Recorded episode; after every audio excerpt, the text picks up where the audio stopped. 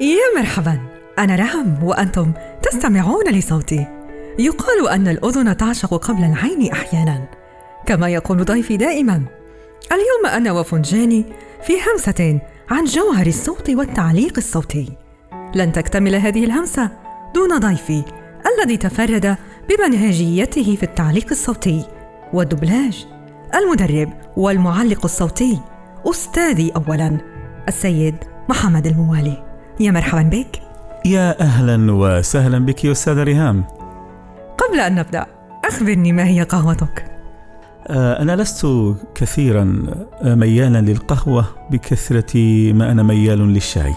لذلك سأختار كوبا من الشاي لعله يكون أكثر حلاوة. لن تكون هنالك مشكلة فهنالك دوما نكهة مميزة للشاي. هذا هو فنجانك وهذا إبريقك. شكرا. عفوا. اليوم لنا حديث أنا وفنجاني معك عن التعليق الصوتي بين الواقع والتوقع. فما هي رؤيتك في بناء الثقة في الصوت؟ الثقة في الصوت. طبعا أولا المعلق الصوتي هو بمثابة رحلة. هذه الرحلة هي التي تخلق حالة الثقة عند المعلق الصوتي أي الثقة الصوتية. ويجدر الإشارة بأن بناء الثقة تكمن اولا في دخول هذا العالم من بابه السليم الصحيح وهو العلم والمعرفة. بمعنى آخر أن المعلق الصوتي لا يجدر به أن يقفز على العلم والمعرفة ويكتفي بما وهبه الله من مهارة وقدرة. عليه اولا أن يقف على العلم والمعرفة. كل ما يتعلق بهذا المجال وهذا العلم الواسع. بعدها لابد أن يتدرب ويتعلم ويجرب ويختبر كل تجربة وبعد ذلك سيصبح قادرا على أن يسير ويتحرك بثقة تصنعها هذه الرحلة التي ستوصله إلى حد كبير من الاحترافية وربما يكون صاحب منهجية أيضا يتحرك بتفرد حتى إذا نطق حرفا من حروف اللغة يشار له بالتفرد والتميز وهكذا. أتفق معك. لدي هذا السؤال. إذا كان بإمكاني سؤالك كيف لنا أن نبني المنهجية في التدريب على التعليق الصوتي؟ اولا علينا أن نعرف المنهجية.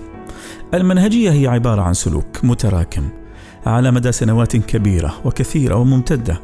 غالبها هو إخفاقات وأخطاء وبالتالي من أخطأ في سلوك معين في التعليق الصوتي ستكون له منهجيته الخاصة في تخطي هذا الخطأ وربما يعلم أيضا ويكون ملهما.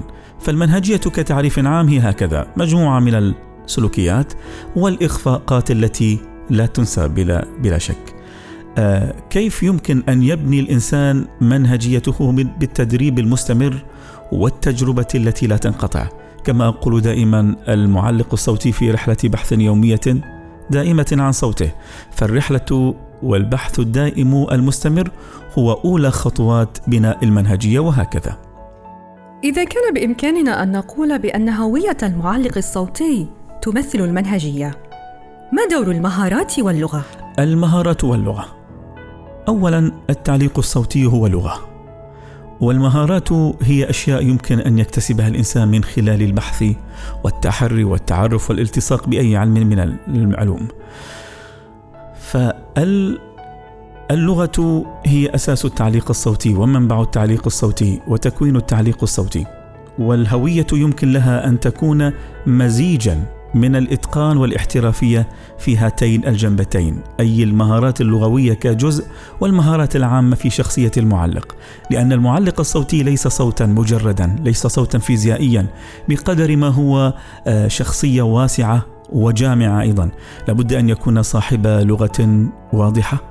لابد أن يكون صاحب فكر نير لابد أن يكون صاحب ثقافة ممتدة وواسعة وأن يكون على أقل تقدير مطلع لأن الصوت الغير مثقف يمكن أن يعني يبان عليه بأنه غير مثقف والصوت المثقف يمكن أن تجد فيه القوة والصلابة والاستماتة والثقة وهكذا.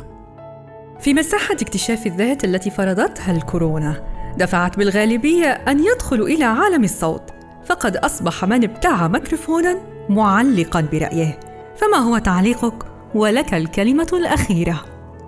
إيه، لابد أن نكون أكثر إنصافا. لكل شخص في هذا العالم الواسع من أقصاه إلى أقصاه الحق في أن يدخل ويجرب أي عالم بما فيها عوالم التعليق الصوتي.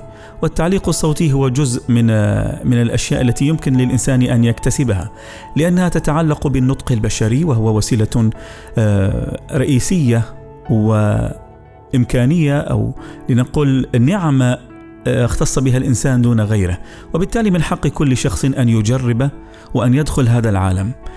ربما نريد أن نقول لمن ابتاع كما عبرت ميكروفون وظن بأنه معلقا صوتيا بأن الرحلة ليست هكذا. ونعود للإجابة على السؤال الأول تماما وتحديدا. الرحلة تحتاج إلى كثير من الجد والاجتهاد والارتباط والدخول إلى هذا العالم من أبوابه الصحيحة الواسعة العلم المعرفة التدرب التعلم الممارسة الاختبار وبعد ذلك الوقوف على الإتقان والوصول للاحترافية. لكل شخص حقه وعلى كل إنسان نحن ندعو دائما لكل إنسان أو إلى كل إنسان أن يجرب ولا ضرر في التجربة. ولكن عليه أن يقف آه، موقف القياس دائما لإمكانياته وقدراته. بمعنى أن لا يقفز على رحلة البعض التي قد تستمر وتمتد إلى سنوات طويلة ويعتقد بأن الأمر لا يحتاج سوى إلى ميكروفون وصوت أجش خشن وفقط أسعدتنا استضافتك معنا في هذه الهمسة. نلقاكم في حلقة جديدة مع ضيف مميز. أنا رعم وهذه همستي بكل موضوعية.